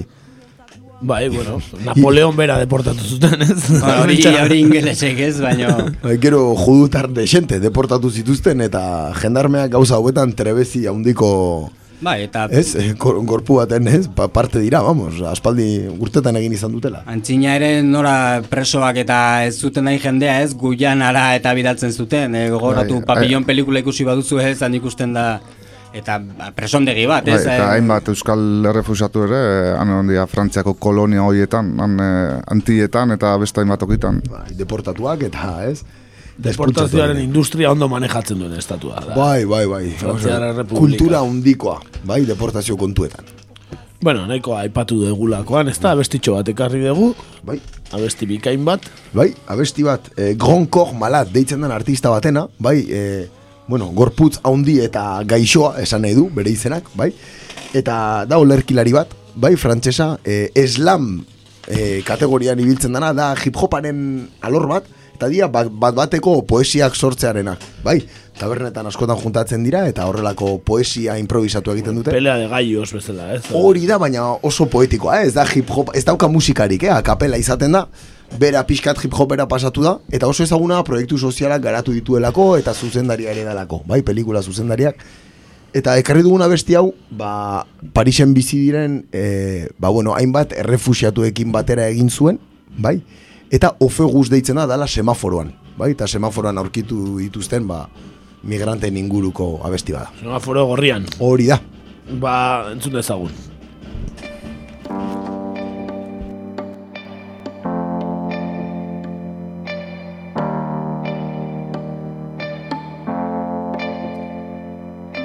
Heureusement, je n'ai pas d'enfant, se dit Yana très souvent. ce serait encore plus dur, encore plus humiliant. Puis comment elle aurait fait avec un bébé comme pactage? Est-ce qu'il aurait survécu après tout ce voyage? Yana a fui les bombes, la guerre dans son pays. Elle sait qu'elle avait peur mais ne sait plus de quels ennemis. Entre les tirs de son président, des rebelles de l'Occident, de Daesh et des Kurdes, elle ne sait plus d'où vient le vent. Elle ne sait plus d'où vient la poudre qui a rasé son village. Elle ne sait plus qui tire les balles qui ont éteint tous ses visages. Elle sait juste que l'homme est fou et que c'est là-bas en Syrie que s'est formé petit à petit l'épicentre de sa folie. Yana pense à tout ça en s'approchant de ma vitre. Moi je lui dis non avec la main et je redémarre bien vite. J'avais peut-être un peu de monnaie mais je suis pressé, faut que je bouge. Je me rappelle de son regard. J'ai croisé Yana au feu rouge.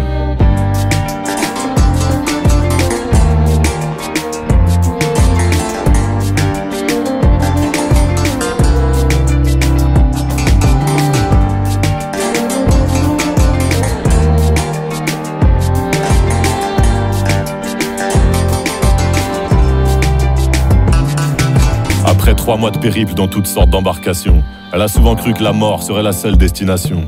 Comme lors de cette nuit noire au milieu de la mer Égée, dépassée par les vagues sur un bateau bien trop léger. Entre les centres de rétention et les passeurs les plus cruels, Yana a perdu de vue tous ceux qui avaient fui avec elle. Elle se retrouvait seule avec la peur, le ventre vide et des inconnus aussi perdus qu'elle comme seul guide. Marchant pendant des semaines puis payant à des vautours, le droit de se cacher à l'arrière des camions sans voir le jour. Après ces mois d'enfer, elle passe ses nuits sur un carton. Son Eldorado se situe porte de la chapelle, sous un pont. Yana pense à tout ça en s'approchant de ma vitre. Moi je lui dis non avec la main et je redémarre bien vite. J'avais peut-être un peu de monnaie mais je suis pressé, faut que je bouge. Je me rappelle de son regard. J'ai croisé Yana au feu rouge.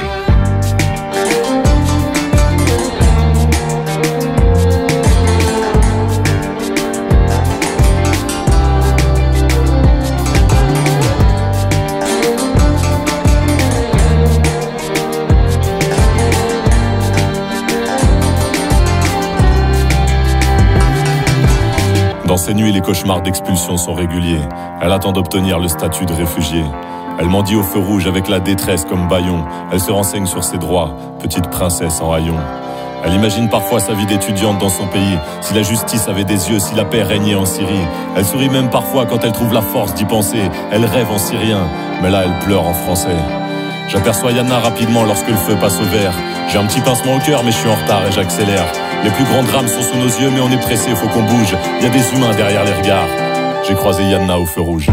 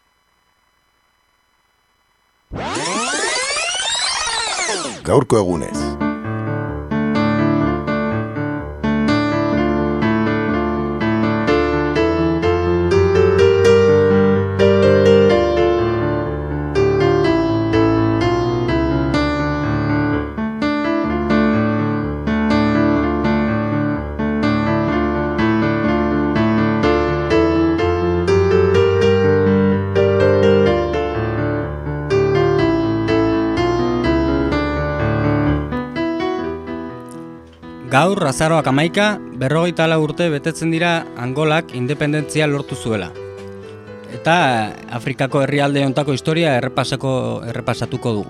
Bai, ba, bueno, ba, gizuen ez Afrikako herrialdea da Angola, hogeita bost milioi biztanle ditu. Eta oroar e, bantu etniakoak dira, ba, obibunduak egunako hogeita mazazpi, lurraldearen erdialdean, kiribunduak euneko goita bost kostaldean eta bakongoak euneko amairu iparraldean. Dakizuen bezala hizkuntza ofiziala portugesa da, ez da, Portugalen kolonia izan zelako Angola, e, baina biztalaren zati batek baizik ez du erabiltzen. Ba, politikan, administrazioan eta kulturan jarruten duten eliteek, ba, batez ere erabiltzen dute portugesa, eta bantu etniakoek e, koixan hizkuntzan mintzatzen dira, eh? E, beste hizkuntzen artean. Angola hitza bantu taldeko enbundu hizkuntzako engola izenetik dator. Endongo erresumako errege titulua zen endonga, ez? Erresuma bat zegoen hor, endongo eta erregea engola. E, Afrikako erresuma bat izan zen eta gaur egungo Angolan bertan kokatua. Hamaseigarren mendetik aurrera berari buruzko dokumentazioa dago eta Kongoko erresumaren estatu basailua zen. Naiz eta egoera horretan zegoen estaturik indartsuena eta boteretsua izan, Engola izeneko errege bat ere bazuten eta hortik dator Angola herrialdearen izena.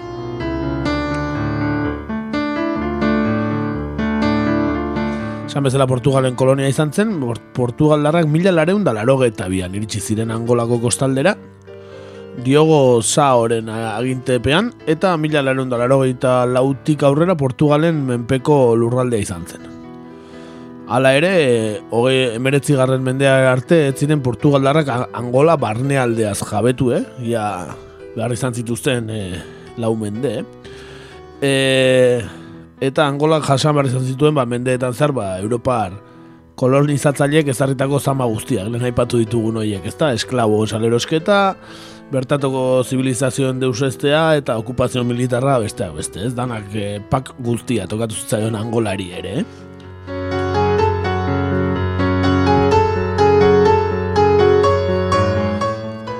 Amazazpigarren mendean hasi ziren metropolearen aurkako lehen altxamenduak, eh? Amazazpigarren mendean, ja. Eta mila batzen da berrogeian askapen gerra hasia aurreko azken altxamendu antikolonialistan Kubal herria sarraskitu zuten portu, Portugaldarrek oso egoera famatu Angolan, ez, o gertaera famatua. Zapalkuntza militarra izan da beti kolonizatzaileen erantzun bakarra.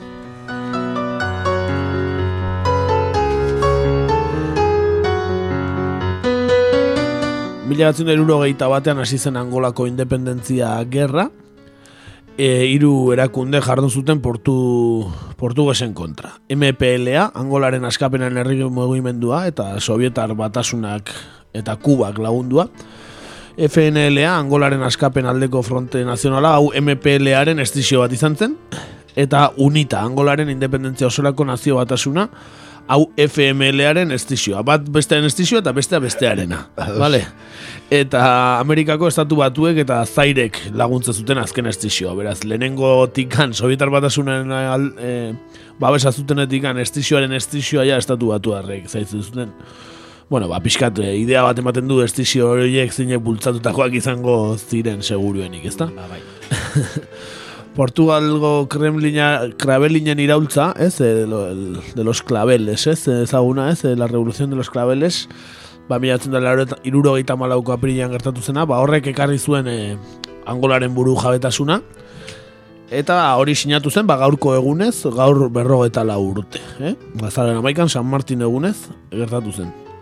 Angolak buru jabetasuna eskuratu zuen, eta e, MPLA, aska, Angolako askapen herri mugimendua, ez, esan dugun lehenengo gerrilla hori, estizioen baino lehenagokoa, Sovietar batasun aldekoa, ba, harrek hartu zuen ba, lurralde baten kontrola, eta orduan gertatu zen, o hasi zen, gerra zibila, ez, bertakoa.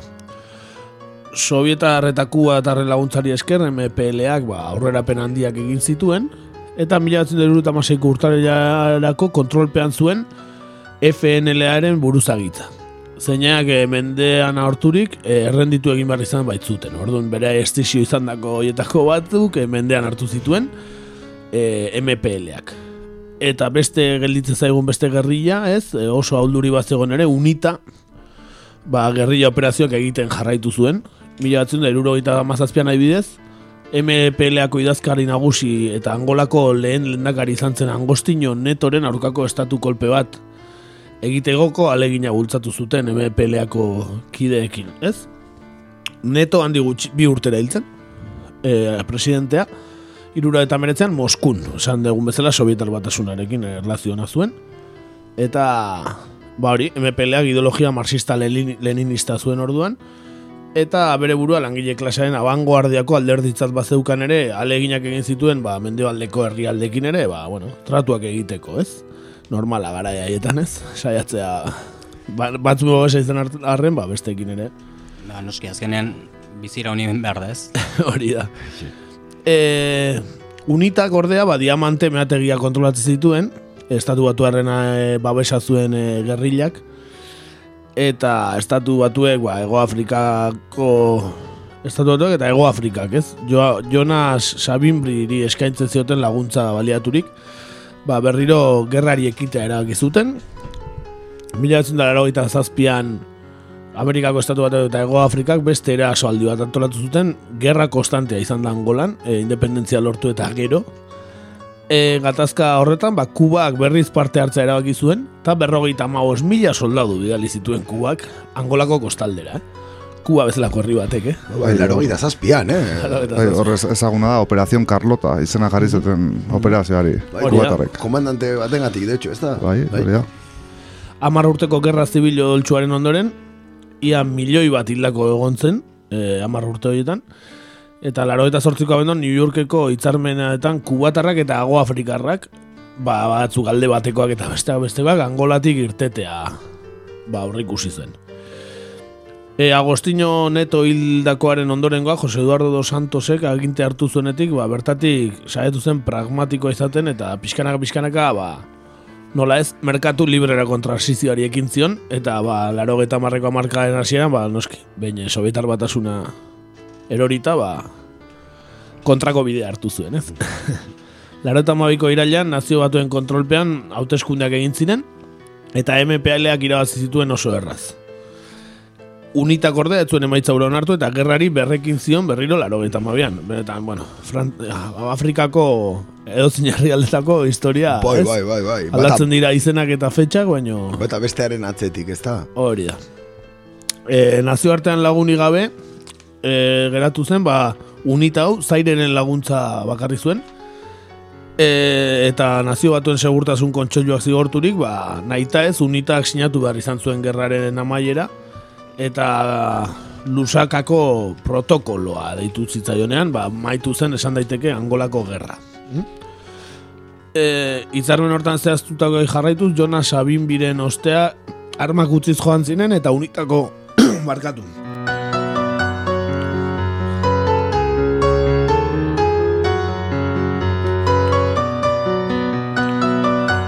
Eta pixkanaka integratuz joan ziren gobernuan unitako kide hauek ere. Baina gatazkaren ba, txingarrak itzali gabe zeuden eta laro eta emezortziko martxoan unitak eh, gerrari ekin zion berriro ipar eta egialdeko provintzietan.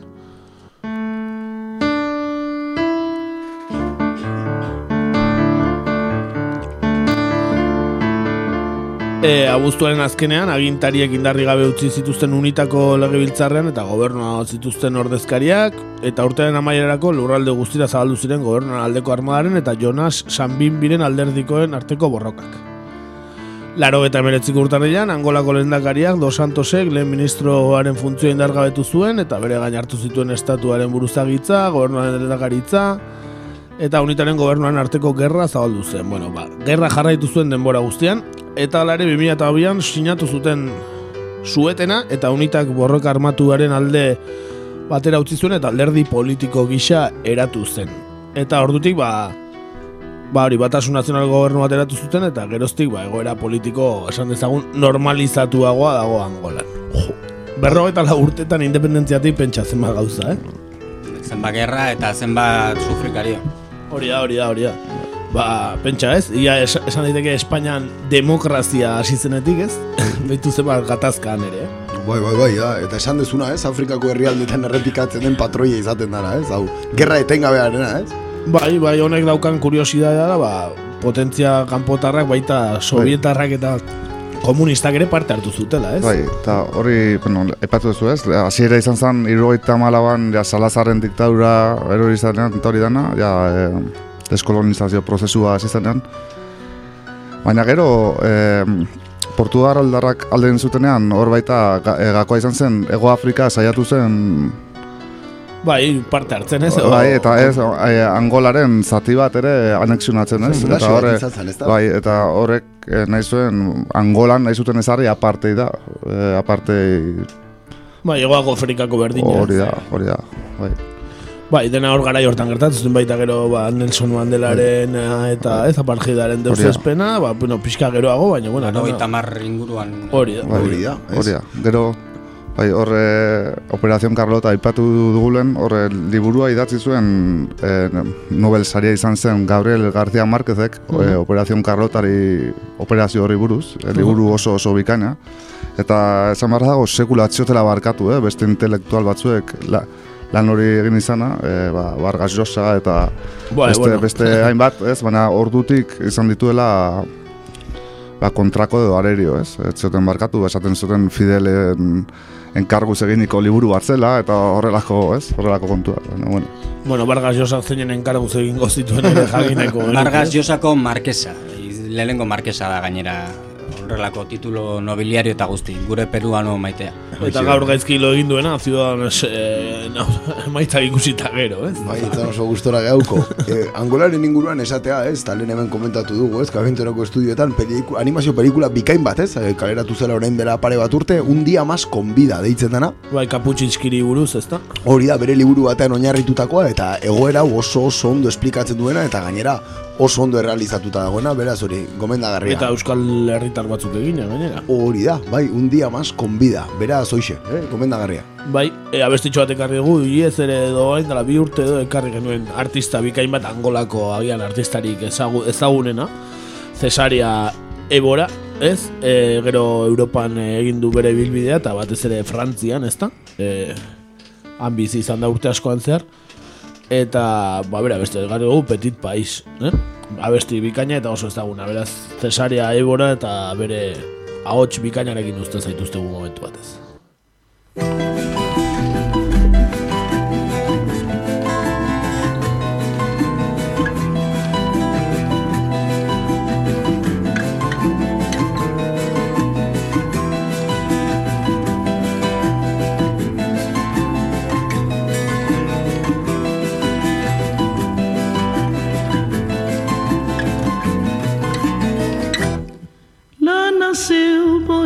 Estrela que cata brilhar.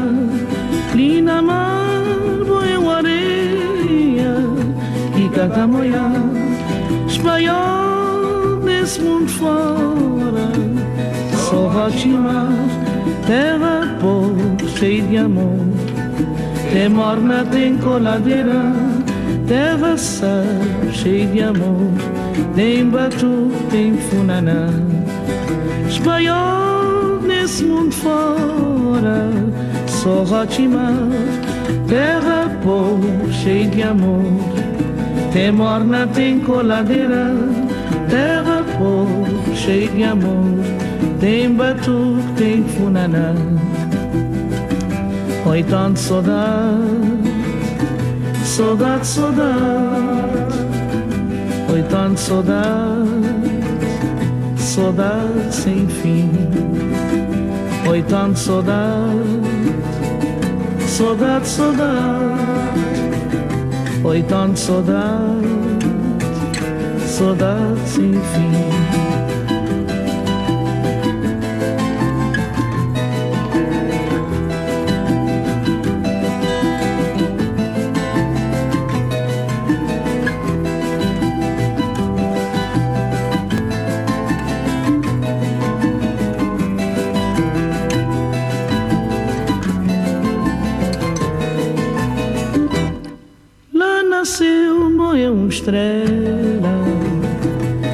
Canta brilhar e na mar moia uma areia que canta moiar espanhol nesse mundo fora só Rotimar terra pobre cheia de amor.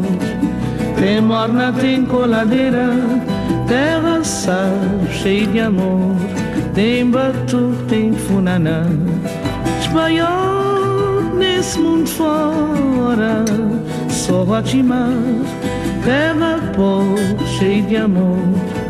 Tem morna, tem coladeira. Terra por cheio de amor. Tem batu, tem funanã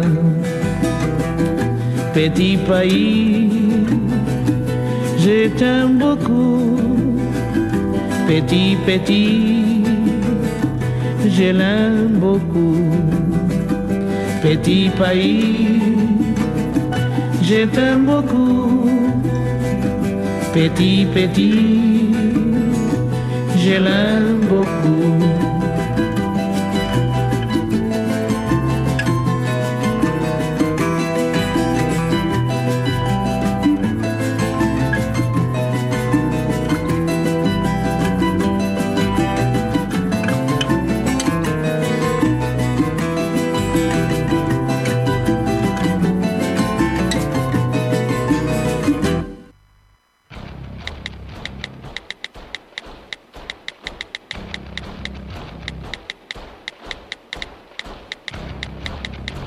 Und das deutsche Volk! Sieg! Sieg.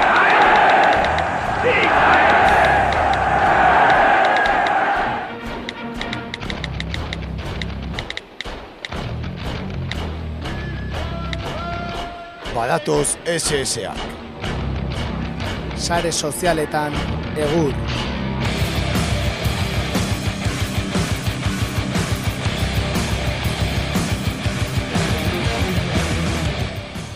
Beno, gaurkoan sare sozialetan e, estilo klasikoan egingo dugu, eh, iazko estilo klasikoan esan dezagun. Egia esan ez daukagu inungo berriri guzton birakatxari buruz, e, jakin ezazuen, eta benetan kezkatuta gaude. Ea, datorren asterako zeo zer e, bidaltzen digun, edo esaten digun, zen da bilen edo. Orduan, estilo klasikoan egingo dugu eta goazen e, gaurko protagonistarekin. Hace unos minutos, a quien tenía que comunicárselo, entiéndanlo. Yo anoche ya avancé que iba a asumir todas las responsabilidades en primera persona. Nunca he escatimado en responsabilidades. A quien le escogen para liderar un proyecto no se puede esconder, tiene que dar la cara siempre. Y yo es lo que he hecho toda mi vida. Nunca me he tapado la cara, nunca me he escondido, siempre he arriesgado y siempre he intentado ser valiente y coherente. Y por eso, precisamente, por todo lo que he hecho y lo que he sido lo que vosotros, los que mis compañeros conocen de mí, saben de mí, la primera decisión que he tomado, y la he comunicado a la Ejecutiva, es que dimito como presidente de Ciudadanos para que este proyecto, precisamente, en un Congreso extraordinario, elija el futuro y el rumbo de este proyecto. Porque el centro político existe, porque todavía hay muchos españoles que necesitan votar liberal y centro. Y la tercera decisión es que dejo la política. Dejo la vida pública, también en coherencia con lo que soy, de dónde vengo y lo que pienso sobre la vida y sobre la política.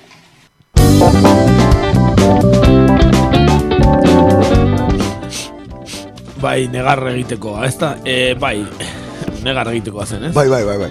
E, ba, bueno, benetan, albiste, e, ni triste nago, zeren e, sekziontarako benetan e, pertsona garrantzitsua zen, Albert Bai. Rivera. Eta sare sozialetarako orokorrean, ez, zein, zeinekin egingo ditugun memeak orain, ez, galdetu zuen baten bate. Hori da, Rosa Diez ere horregontzen bere garaian, ez, lehen aipatu dugu, ba... Ai, beste aktibo bat galdu dugu. Bai. Da bizitza. Maite pagaza hortundua ere alderdi dekadentez dekadente doala dirudi, ez? Urrengoa zein izango teran... Ea, ea jotara afiliatzen den, eh? Ondo, ondo, litzateke baino ez dut uste. E, bueno, ba, bai, izpide izan da alde guztietan, Albert Rivera, ez da? E, ba, adibidez, Miguel Beck Krampek esan du definitivamente, ba, horrela, olerra leche durante un tiempo, sí, ez? Lengo astean jarri genuen txakurtxo zikin horrekin, ez? E, nola gertu zen eta hori. Edo Gerardo Tezek, hau bizkat gehiago analizatzen ibili da.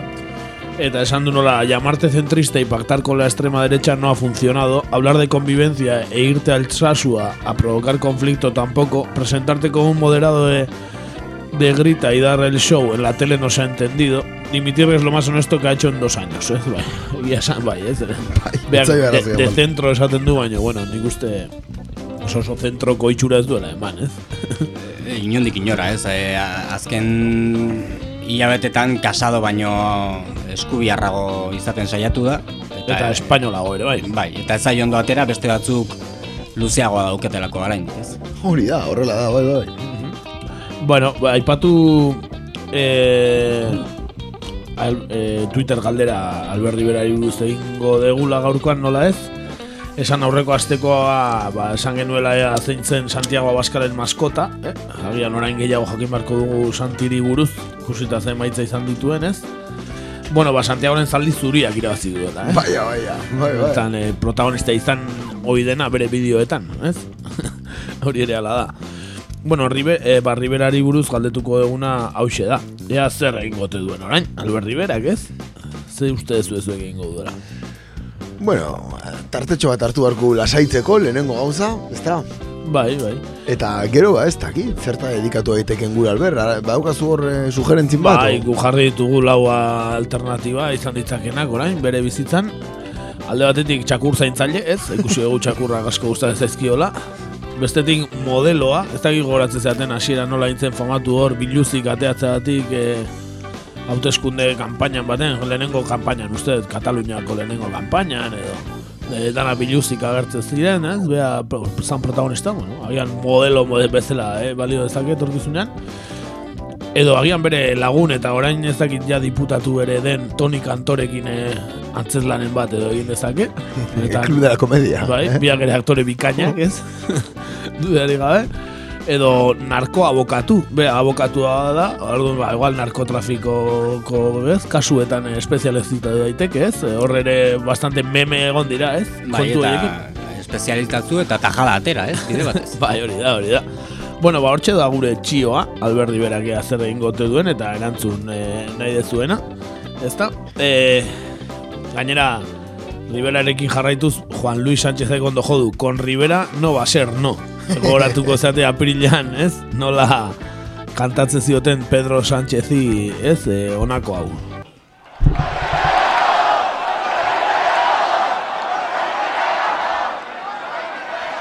Yo creo que ha quedado bastante claro, ¿no? Bai, bastante claro, bai, Ri- Rivera no ajuntan eta gehiago, gehiago, gehiago, gehiago esate zioten, bai, eh? Esate zuen, que os he escuchado, que os he escuchado.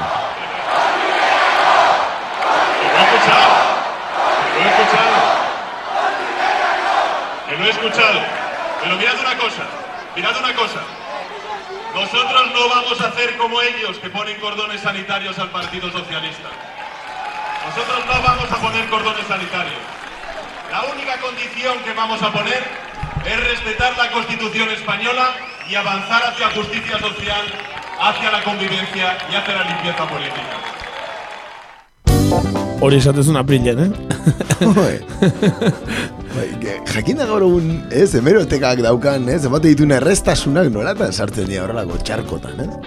Bai, bueno, momentuan os he escuchado. Hontan ez du esan esan os, os he escuchado.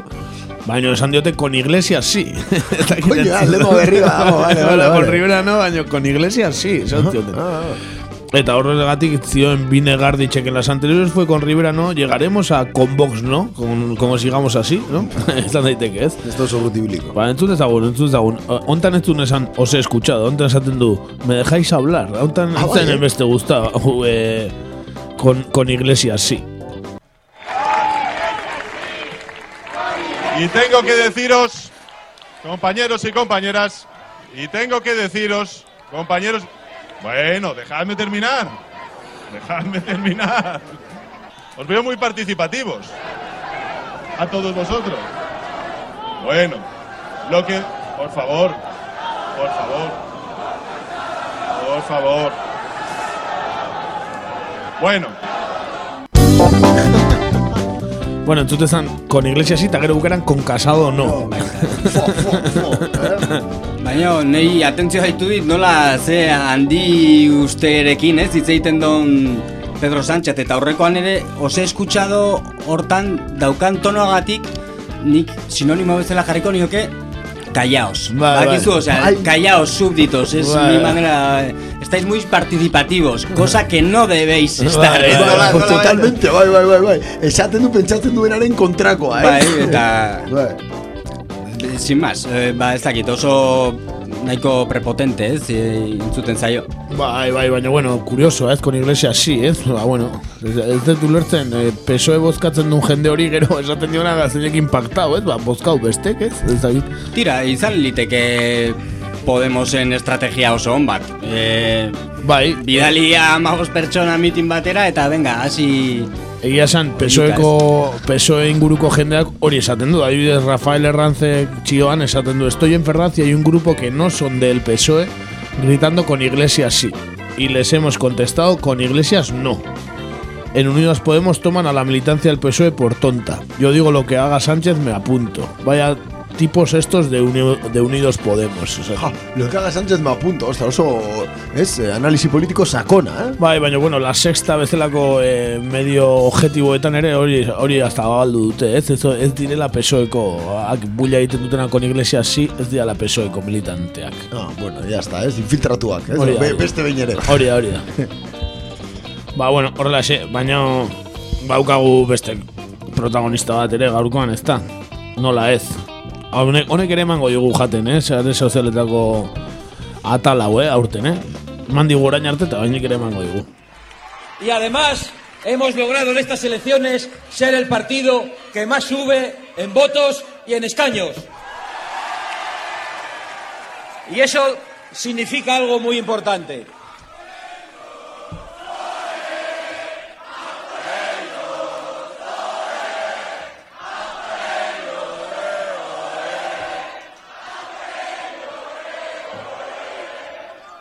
Significa algo muy importante. Y lo que significa es que habéis sido protagonistas de la mayor gesta política más fulgurante y más rápida de la democracia española para dar representación a millones de españoles que no se sentían representados.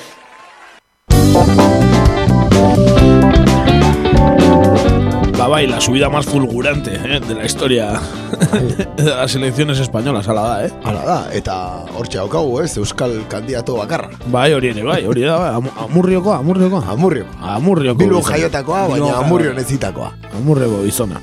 Baina kiper txarrobanek hori dio, ez? Az- Aznar bezalako gintaria jardunean ziren bitartean, Espainian eskuin muturreko alderderik ez zegoela ziotenak dauzkat gaur gogoan, ez? Hoxe bera, ez? Ez, eh, claro, eski hori esaten du, ez? Eh, una ascensión fulgurante, eh, ez? Beti Espainian esan dute ez zegoela ultraeskuinik, eta bar, ez? Bueno, argi dago, ultraeskuina horre egonda, eta oraindik hor dago, eta nuke esango boxe makari dagoenik, ezta? Ez, ez, horregatik lehen ez zegoen, danak bateratuta zeudelako alderdi baten barnean, ez? Bai, hori da. Bai, horrez, eh, nik uste dut bastante eh, drama desente egiten dara boxen kontuarekin, azkenean boxek eh, beste askok pentsatzen dutena verbalizatu bakarrik egiten duelako, besterik ez.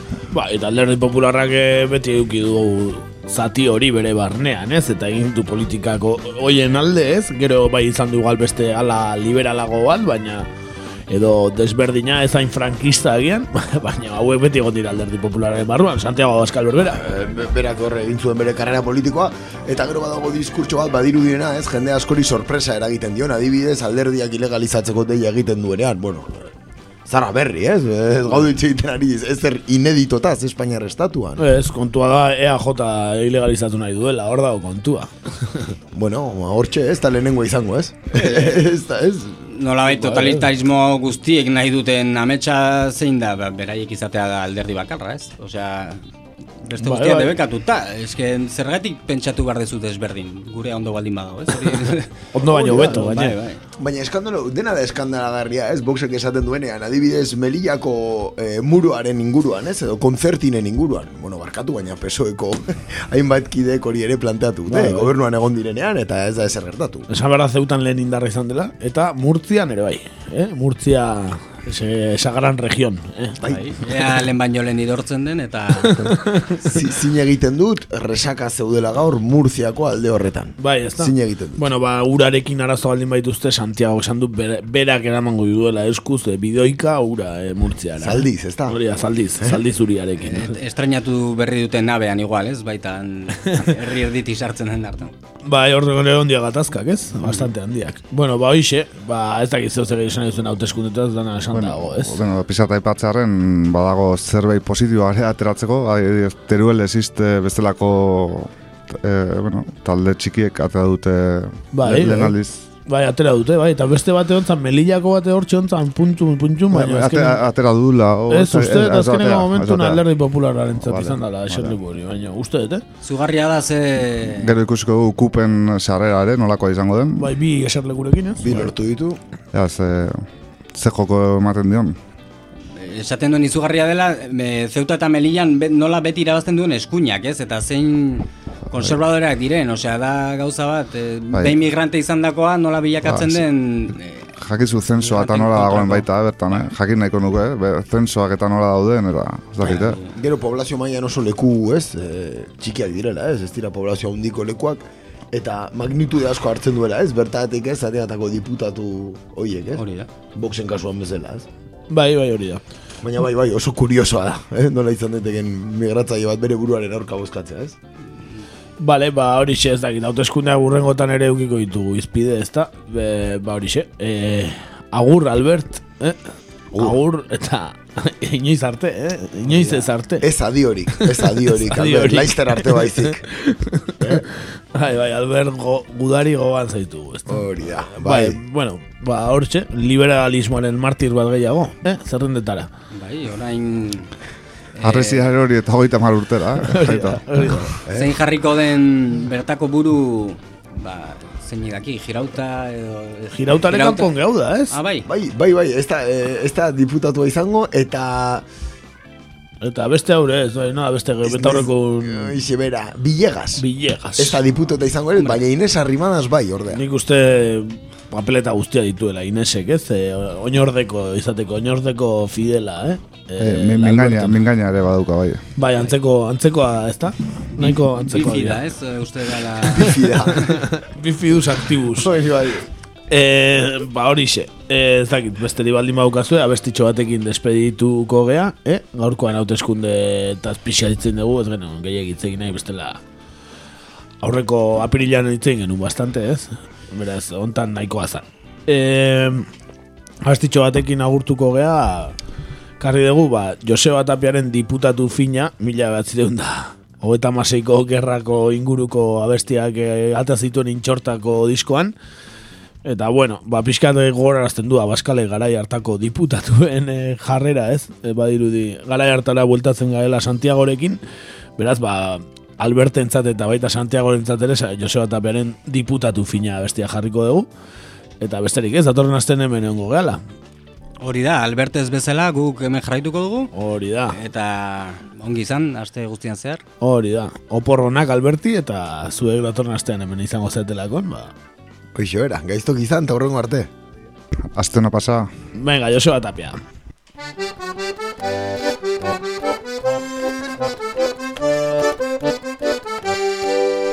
Ibarne, Ibarne, Republiken etxai, eskualerrian ernezan Ibarne garai.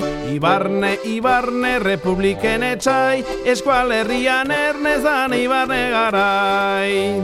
Diputado fina izan behar omentzun zimaurrez egina, asko zobe gendun, erbetarren alde joka behar zuala, esan da bertzalde joan da zerrazala.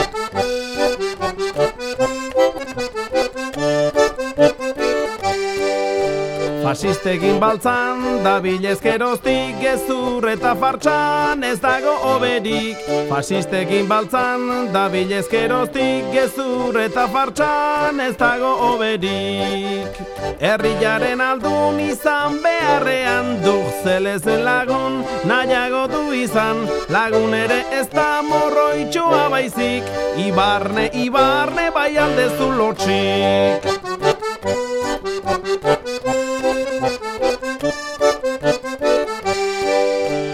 Edo zentzu zantzu, gelditu baltzara, nola zoaz faltsu, horien aldera. Edo zentzu zantzu, gelditu baltzara, nola zoaz faltsu, horien aldera. Euskaldun semea, libertade aurka, arbaso legea, darabila darka. Zoaz bai ibarne, doizlande aldera, zulakoak erne, oi diren lurrera, Hitlerri gibelak ustera.